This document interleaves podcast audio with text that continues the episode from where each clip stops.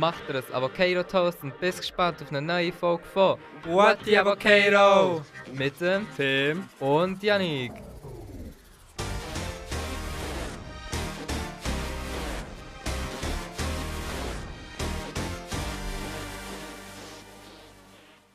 Hello. Hallo zusammen. Wir sind back in the studio. Back in the hood. what the fuck? Wir sind auch wieder am Start, außer Helga. Wir müssen leider verkünden, dass ähm, wir die Helga ausgesetzt haben das letzte Mal. Eventuell, whoopsie. Nein, wir Wenigstens hat sie überlebt durch uns. Das weißt du ja nicht, vielleicht ist sie gestorben. Vielleicht ist sie Nein. überfahren worden. Nein, ich, ich weiss ganz, ganz in meinem Herzen, innen, dass sie eine starke Helga war und überlebt hat. Das glaube ich dann nicht. Okay. Also mal, vielleicht ist sie schon stark gewesen, aber ich meine, ein, ein Auto, das irgendwie so eineinhalb Tonnen wiegt, ist ein bisschen stärker. Nein. Doch. man, also, man, man hofft, dass es der Helga gut geht irgendwo in dieser grossen, weiten Welt und dass sie sich ähm, zurechtschlägt und dass sie nicht unter den Räder kommt. Das macht sie bestimmt. Also, Also hoffentlich überleben. nicht, genau. ja, gut, super. Ja, wir haben gedacht, wir fangen am Anfang wieder an mit Things, die ein bisschen aktueller sind. Einfach ein aktueller Shit. Aktueller Shit, nennen wir es so. Was hast du zu erzählen, Janik? Oder was ist im Moment so in deiner Ansicht aktuell? Weißt du, was die Woche passiert ist? Achtung, Einiges ist fest. passiert, I hope, oder? Ähm, hast du gewusst, dass der Biden und der Putin in der Schweiz waren? Nein, überhaupt nicht. Es ist ja nur, Nicht? ja nur ganz Genf gesperrt und die ganze Schweiz ist ausgerastet und Ja, mehr oder weniger, ja. hm, ich habe es überhaupt nicht mitbekommen. Hast du gewusst, dass der ganze Luftraum über Genf einfach ist gesperrt war? Und dass in Luzern Soldaten von Putin waren? Das kann gut sein, I don't really know. I don't really care. Ich habe einfach mitbekommen, eben, dass Genf gesperrt war. Ich habe es bei SRF mitverfolgt, so ein bisschen, also halt so SRF News auf Insta. Dort haben sie immer wieder so ein bisschen erzählt, so was läuft und was nicht und ja. Genau. Nein, die beiden haben sich getroffen, um aktuelle Themen, Weltthemen zu besprechen in der Schweiz, in diesem neutralen Land. Wow. Und wie sie das genau geschafft haben, was sie jetzt besprochen haben und so weiter, weiß ich jetzt gar nicht. Also mir wäre jetzt nicht wirklich bewusst. Vielleicht haben sie es so bewusst nicht an die Öffentlichkeit rausgebracht. no, also es ist schon ziemlich an die Öffentlichkeit im Fall. Also weißt du, Also jetzt einfach, was Putin sie ist es einfach besprochen haben. darum gegangen, irgendwie Abrüstung und irgendwie so Menschenrecht und so. Also er hat irgendwie mega viele Themen auf den Tisch gelegt. ja, Und klar, dann der kommt so beiden der, auch. Der Hm? beiden sowieso. Nein, ich rede von beiden. Oder habe ich jetzt Putin gesagt? Ja, hast Ups, nein, ich meine beiden. Und der Putin ist, glaube ich, einfach mit dem Thema gekommen, ähm, Sanktionen gegen Russland. Äh, äh, he, wants some cash. Aber ähm, Ich habe auch noch etwas. Also es hat jetzt überhaupt nicht mit Politik zu tun, aber Rebel Wilson, wer kennt sie nicht?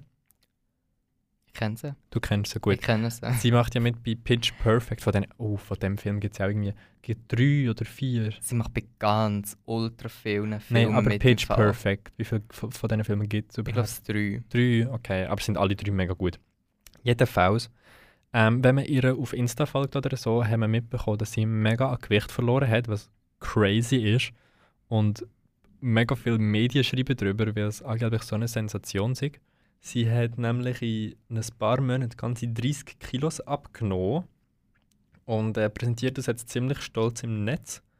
Und ich fände es noch ganz lustig, sie hat in einem Interview hat sie folgendes gesagt zu ihrem Abnehm Abnahmegeheimnis.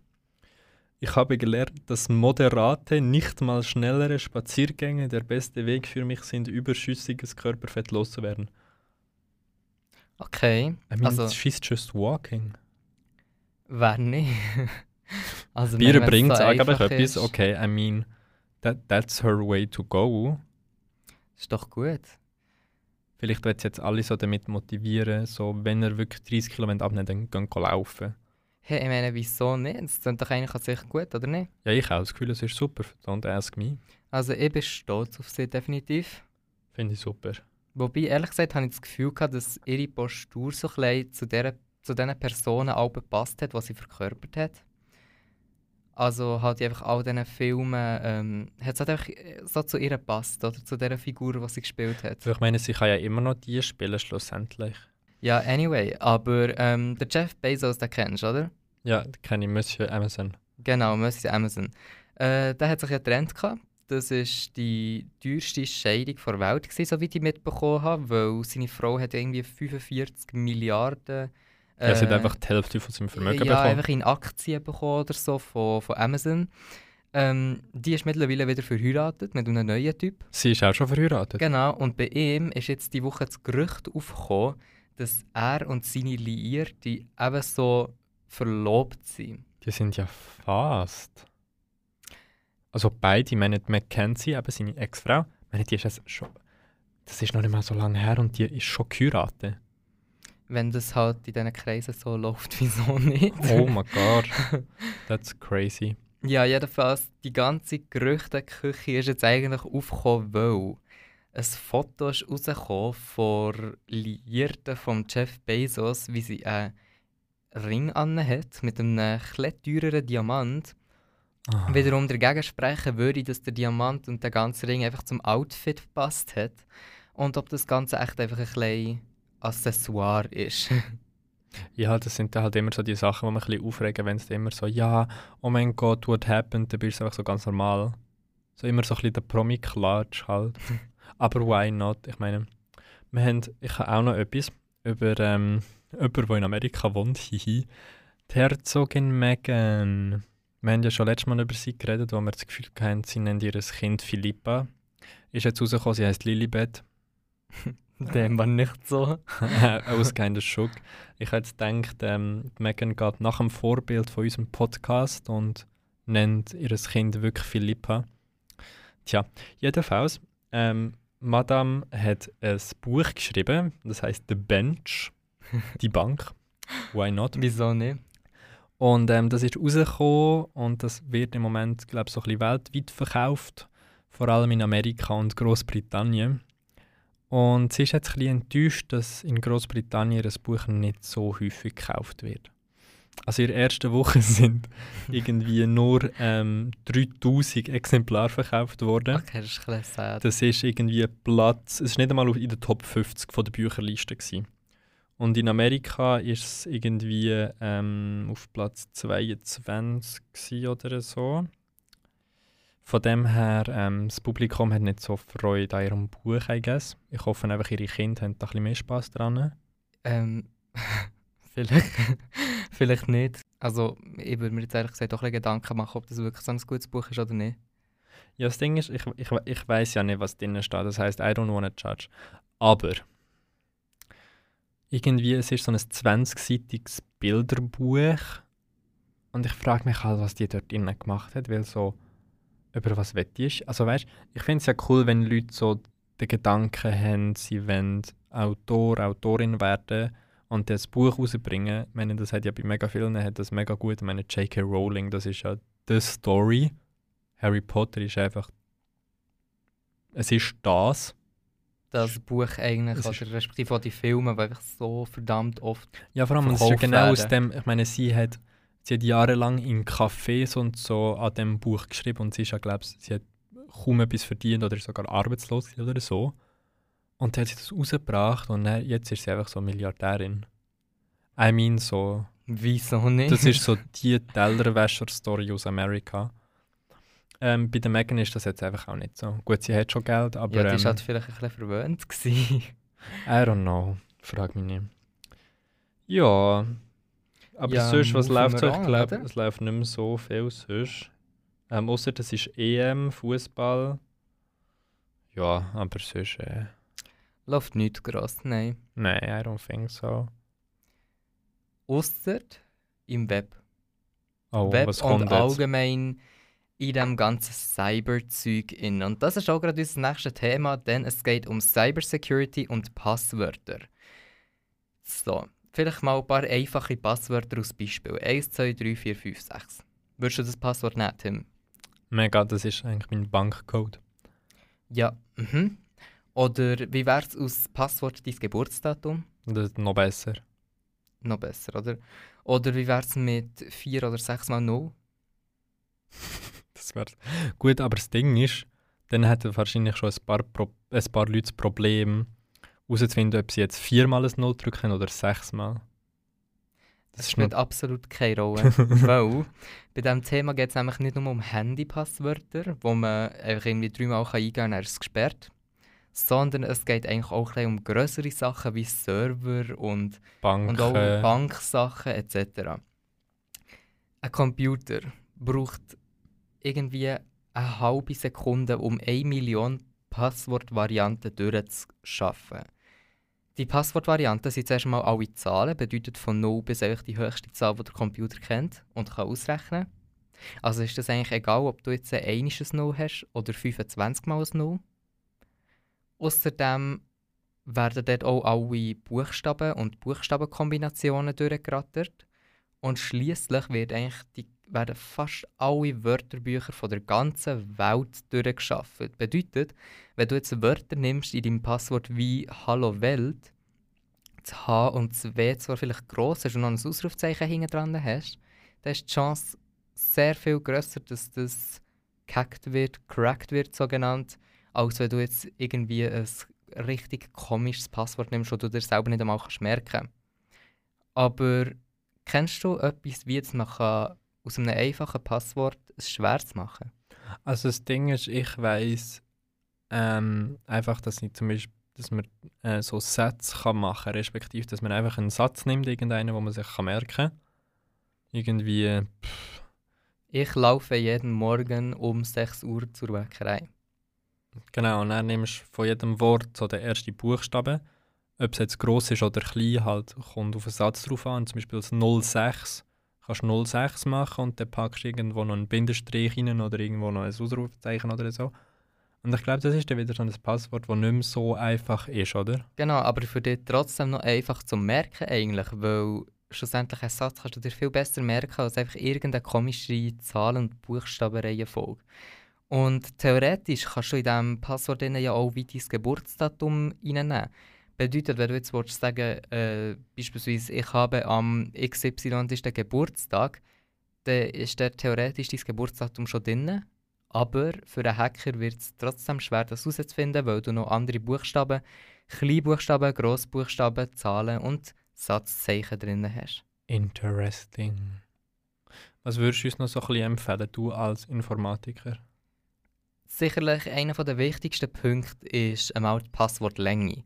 Also die meisten nutzen vielleicht irgendwie vier- bis sechsstellige Passwörter, wobei heutzutage von ganz, ganz vielen Webseiten etc. schon mindestens achtstellige ähm, ja, ver verlangt werden eigentlich, oder? Besonders gut bei Banksachen, dort ist es meistens sogar schon bei zwölf, Ja, zwölf. Buchstaben oder einfach äh, ja, Zahlen und, und Satzzeichen. Und aus diesem Grund würde ich eigentlich raten, im Allgemeinen sowieso so lange Passwörter wie möglich zu nehmen, weil, Ja gut, aber jetzt vielleicht nicht 200 Zeichen, weil... Äh, ja gut, das ist dann vielleicht wiederum zu Try lang. to remember that. Aber ich meine, so einen Satz kann man ja trotzdem schon recht lang rausziehen, sodass man vielleicht auf 15 Buchstaben und Zahlen etc. kommt. Und meine 15 Buchstaben und Zahlen, das geht ein Zeitchen für einen Computer. Und in dieser Zeit wird man sicherlich irgendwann mal das Passwort gewechselt haben ich hoffe oder so. je nachdem schon gar nicht mehr leben. Also jetzt da Aufruf für alle, die 000000 oder 1, 2, 3, 4, 5, 6, 7, 8 als Passwort haben. Change that. Oh mein Gott, könnten wir mal so eine ASMR-Folge machen von What the Avocado? Was ist eure Nein. Meinung? Willst du nicht? Aber ich glaube, das wäre auch interessant. Wer lässt so bis heutzutage noch? Der Trend ist einfach vorbei.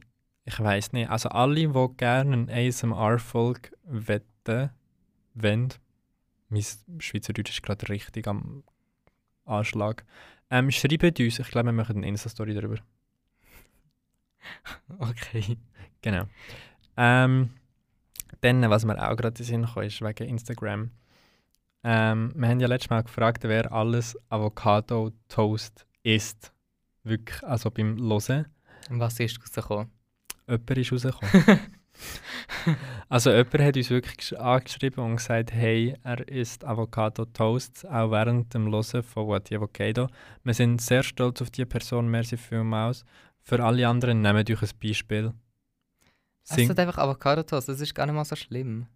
Also ich finde es schon ziemlich grusig. Nein, es ist fein. Vor allem, wenn es so richtig schon mit okay. so, mit so Gewürz und je nachdem, zum Beispiel du kannst ja noch ein Spiegelei oben drauf tun. Weißt du, nimmst so Brot, dann tust du Avocado drauf, know. also ähm, Guacamole. Dann, Aber weißt du, du musst jetzt nicht so tun, als wärst du mega der Kenner. Doch, ich habe es mal gemacht. Ja, ein. Wow. Oh, schon das lang. Okay.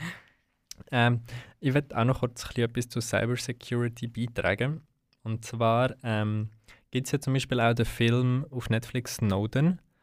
Und ich glaube, jeder kennt die Geschichte hinter dem Film, respektive hinter der Person, dass er Daten von NSA gestohlen hat und aufdeckt hat, dass die NSA uns abhört, alle amerikanischen Bürger.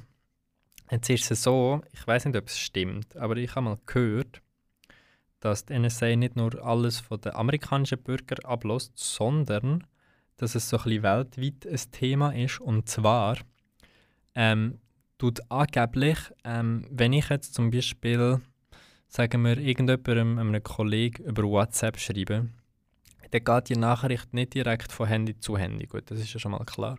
Aber ähm, ich habe gehört, dass es zuerst mal logischerweise, äh, nicht, nicht logischerweise, oh mein Gott, auf Amsterdam geht, weil dort ist das europäische Serverzentrum, glaubst du? Ja, mehr oder weniger, aber das kann natürlich auch über China und so weitergehen. Oder so, genau. Aber jedenfalls gehen angeblich alle Nachrichten auch durch Manhattan, durch New York. Und zwar gibt es dort das Gebäude, mit in der Skyline, wo nicht so reinpasst, weil das Gebäude hat effektiv kein Fenster.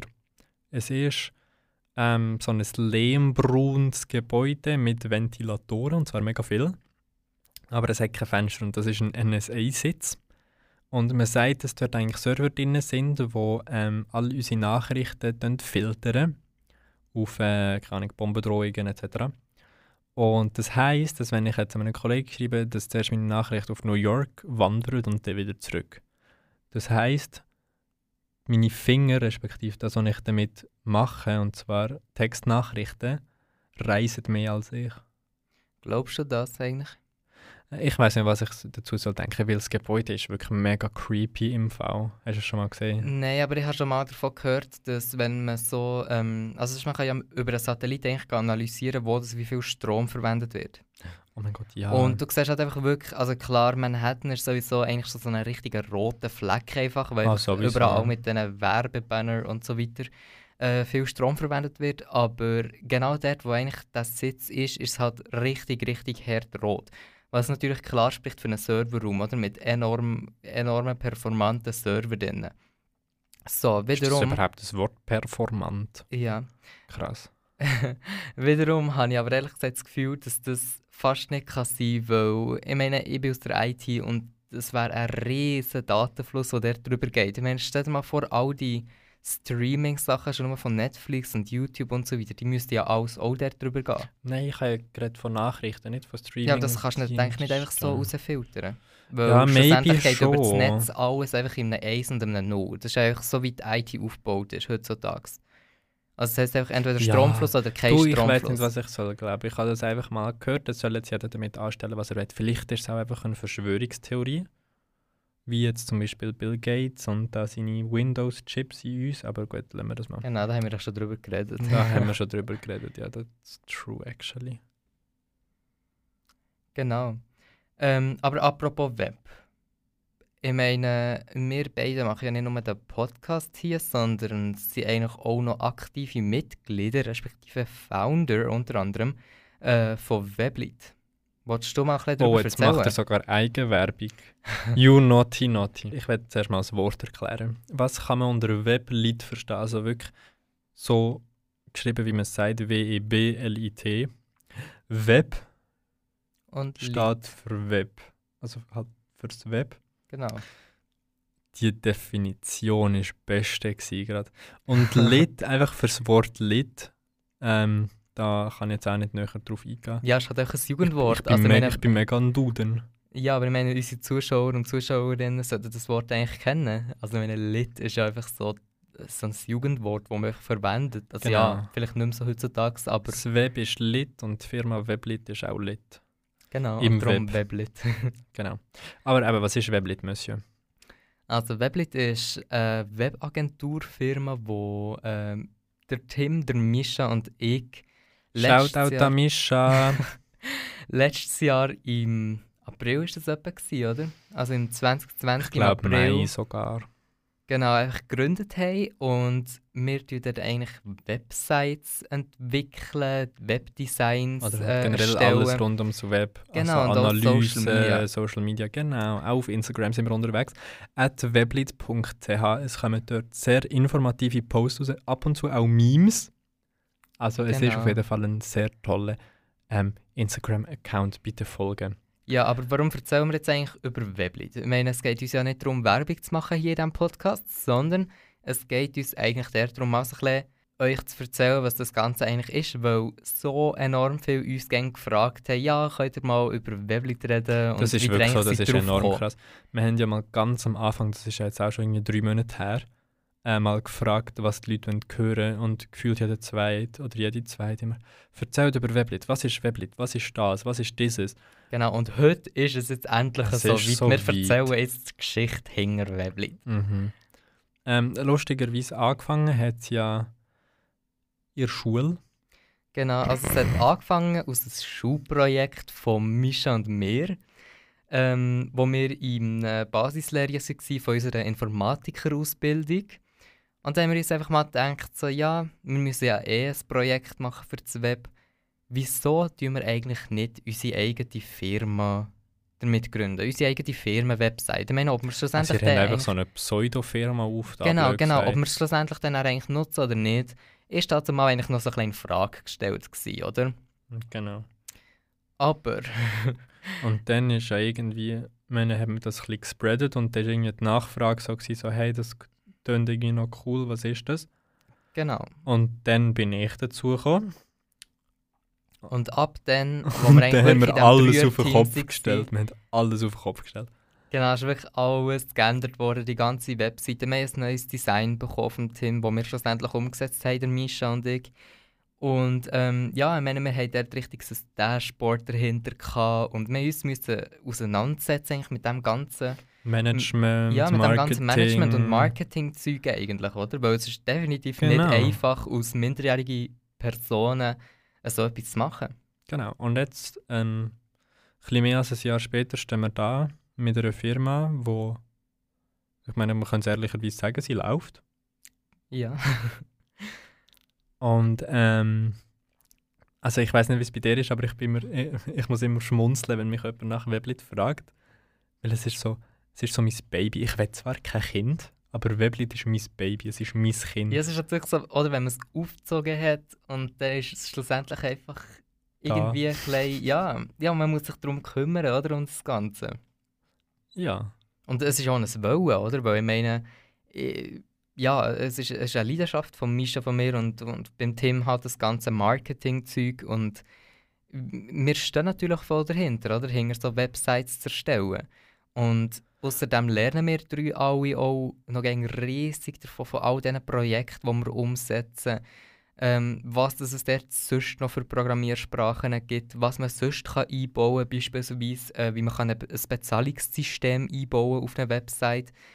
Und das ist ja schlussendlich eigentlich so eine Win-Win-Situation eigentlich für, für beide Seiten, oder? Auf jeden Fall. Also wir Weblit lernen halt einfach neue Technologien kennen und, Genau. und, Und, unsere Kunden bekommen eine ganz tolle Webapplikation, also eine Webseite, die raussticht. Genau, und mehr dazu zu unseren Kunden und so ein zu Gibt's, uns gibt es auf unserer neuen Webseite, wo dann, wo der Podcast hier rauskommt, etwa gerade online kommt. Und zwar unter weblit, also weblit.ch.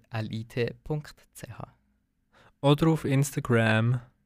Dort sind wir äh, fast dreimal in der Woche unterwegs mit informativen Posts und eben Memes. So, stay tuned. So, jetzt äh, etwas anderes. Janik, ich habe dir ähm, Hausaufgaben gegeben. Und zwar habe ich mir gedacht, könnten wir doch ein Quiz spielen und eine Filmhandlung anhand vom Titel erraten. Das klingt so lustig. Und genau deshalb habe ich so umgesetzt. Ich habe mir Du zwei hast Filme Hausaufgaben gemacht. Crazy. Und du Ich hast mir auch zwei Filme genau. Und, das, Und- wie wollen wir es machen? Sollte ich einfach mal anfangen mit dem Filmtitel, mit meinem ersten? Genau, und dann probiere ich zu raten, was es ist. Also, mein erster Film könntest du je nachdem vielleicht sogar kennen, weil er ist eigentlich quite berühmt. Und zwar Happy Death Day.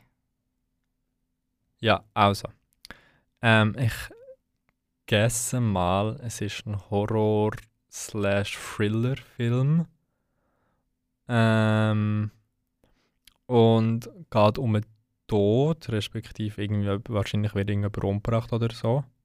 Ich kann mir so mega vorstellen, also es gibt ja, es gibt ja immer das coole Video auf Social Media, das ist vor längerer Zeit mal umgegangen, dass es so heißt, ja, ähm, die Immobilie ist schon gehaunted worden, es sind 13 Menschen umgebracht worden in dieser Immobilie, es ist mega grusig und mega cringe und er zügelt einfach in so eine Familie mit drei Kindern rein. so mega, da- das ist das Eigenheim, wo du deinen Kindern willst bieten Von dem her, maybe ist so eine Familie, die probiert in einem Haus zu leben, wo eben mega gehaunted ist und dann wird jemand irgend- irgendwie umgebracht oder so. Nicht ganz. Es geht eigentlich darum, so wie, wie bei ganz vielen anderen Filmen, ist es eigentlich wie eine Endlosschleife, die sich halt am Todestag immer wieder wiederholt.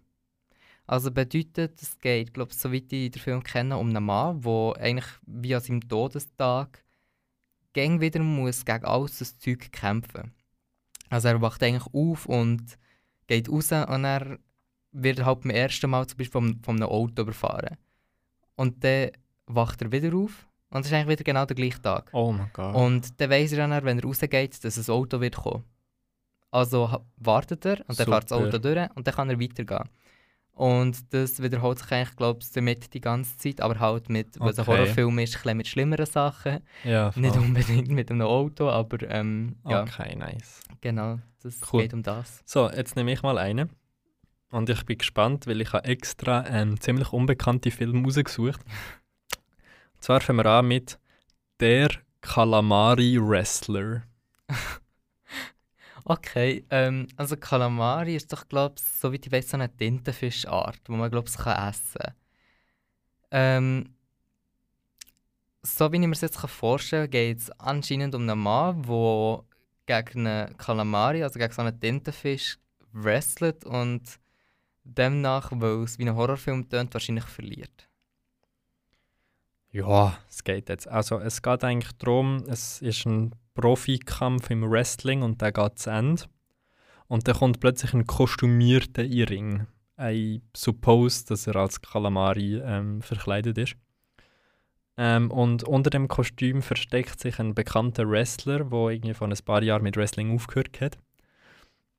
Und ähm, fährt auf kämpfen, respektive steigt einfach in den Ring und zieht die ganze Aufmerksamkeit auf sich. Und das Management von dem Kampf wird versuchen, einen äh, Kampf anzuzetteln.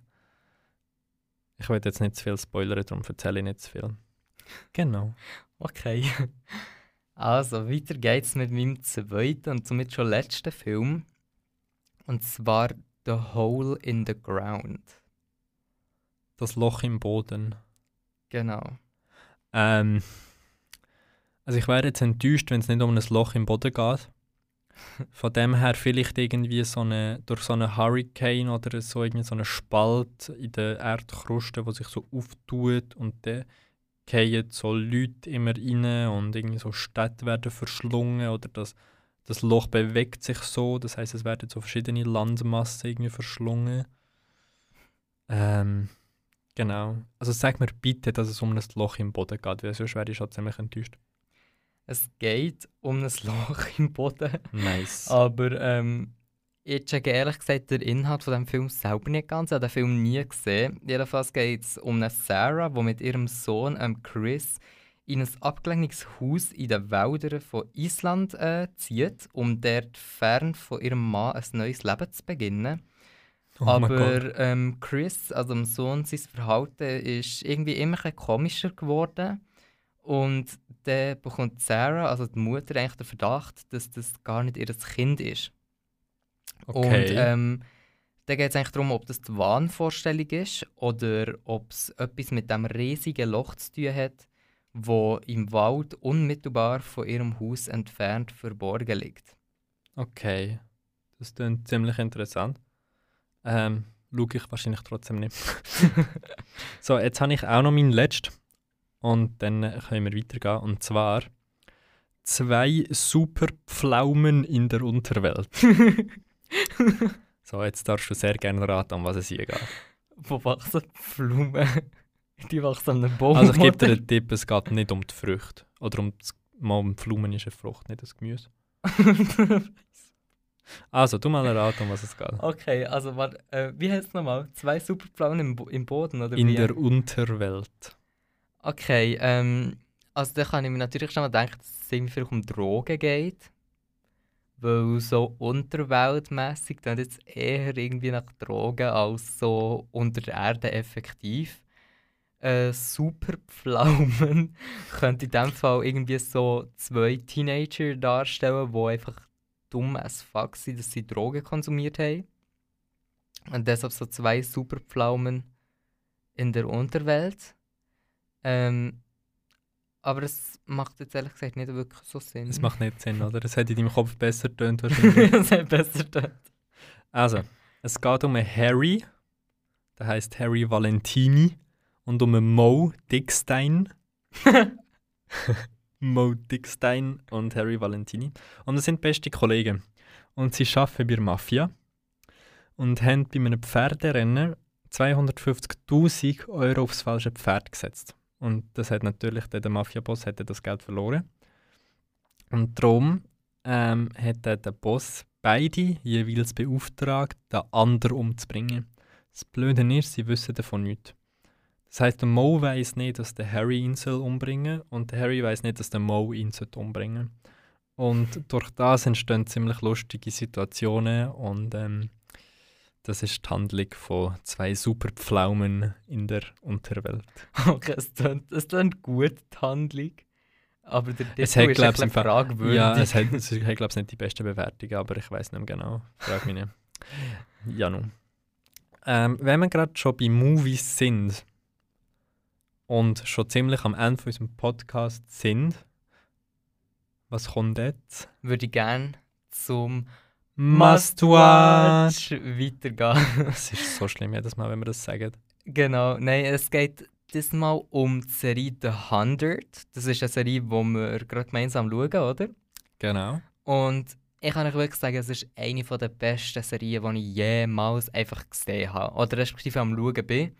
Ähm, ich bin momentan erst bei, bei Staffel 2 von 7.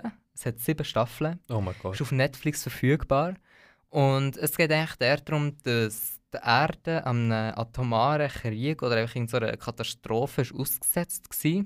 Und sich die aber können retten auf eine, also auf die sogenannte The Ark. Das ist so ein Raumschiff, eigentlich, das wieder um die Erde kreist und ja, hat einfach so ein wie eine riesige ISS ist.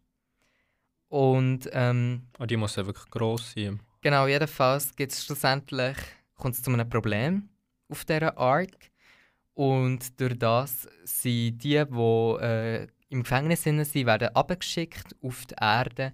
Und was dann passiert, ob sie es schaffen, ob sie es nicht schaffen und wie das Ganze dann weitergeht, das seht ihr, wenn ihr die Serie schaut. Ich kann es euch nur empfehlen, schaut es unbedingt an. Es ist wirklich eine unglaublich spannende Serie und man will einfach nicht aufhören mit schauen.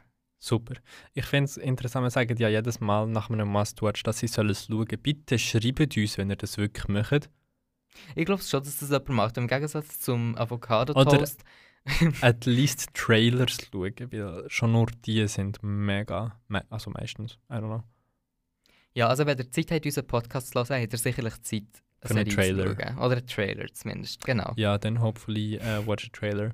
So, jetzt sind wir nach dem Must-Watch schon wieder am Ende. Wir verabschieden uns von euch. Ähm, esset euch ein nicht existenten Avocado-Toast. Und, Und- vielleicht irgendwann habt ihr an den Eis. Genau, und schaut den Trailer oder vielleicht auch nicht, we don't know. Drum, bis zum nächsten Mal. Macht's gut. And bye. Tschüss! Das war es mit der Folge. Kauft ihr schon jetzt deine Avocado für die nächste Folge von What the Avocado? Wir hören uns wieder und bis dann macht's gut, bleibt gesund und bleibt fresh. Tschüss!